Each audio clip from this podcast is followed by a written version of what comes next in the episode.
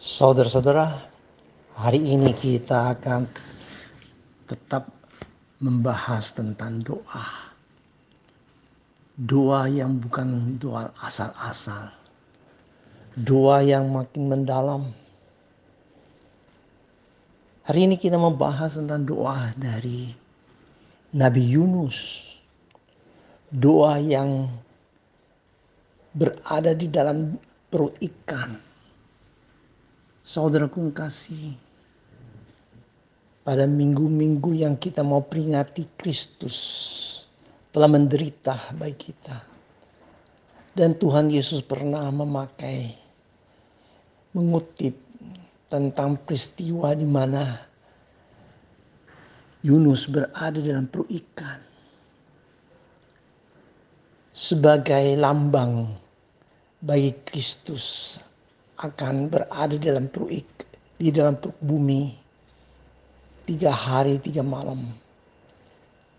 Tapi saudaraku yang kasih di dalam Yunus pasal 2 ini kita bisa melihat Yunus bagaimana berdoa. Yunus telah jauh dari Tuhan. Sebenarnya tidak mungkin dia lari dari Tuhan tapi dia mau coba-coba untuk melarikan diri. Sepertinya semuanya sudah teratur dengan baik. Dia bisa naik kapal. Para Tuhan ingin supaya dia ke tempat yang di mana menempuh perjalanan dengan darat. Dengan kereta. Tapi dia pergi. Pergi naik kapal. Sehingga terjadi ombak besar tapi dia memberanikan diri untuk mengaku bahwa inilah karena dosanya. Dia berani untuk minta supaya dia dibuang ke dalam laut. Dia adalah orang yang berani mati. Orang yang juga berani melawan Tuhan. Tapi kini dia harus berdoa. Dia harus mengaku dosa. Tapi dia saat ini mau sungguh-sungguh menyambut Tuhan diarahkan hatinya kepada Tuhan. Dia sekarang mau menghayati makna penderitaan. Dia mendalami makna penderitaan, makna hukuman Tuhan. Di dalam perut ikan yang berdalam, dia berdoa. Doanya luar biasa saudara.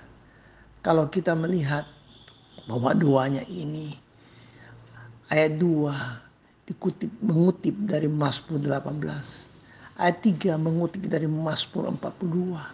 Ayat 4 mengutip dari Mazmur 31. Ayat 5 mengutip dari Mazmur 69. Juga ada kutipan dari ratapan.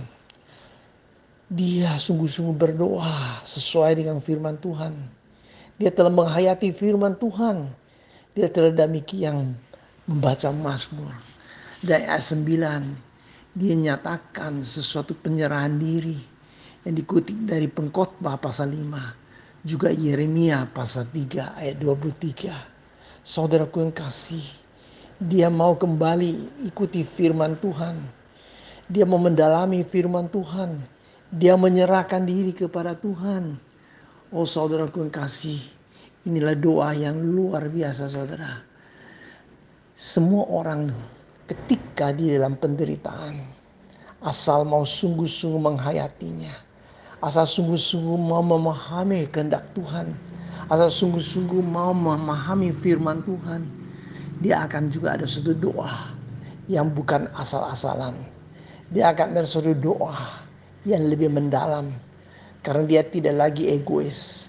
Hatinya hanya arahkan sepenuhnya kepada Tuhan di tempat yang paling mendalam Allah beserta dengan dia. Mengingat Allah tidak pernah jauh. Allah hanya sejauh doa kita. Tapi marilah kita mau lebih dekat dengan Tuhan. Dengan berdoa sesuai dengan firman Tuhan. Dengan doa yang menyerahkan diri sepenuhnya. Bila Tuhan sendiri yang memimpin. Bila Tuhan sendiri yang pelihara. Dan Tuhan yang memberkati. Amen.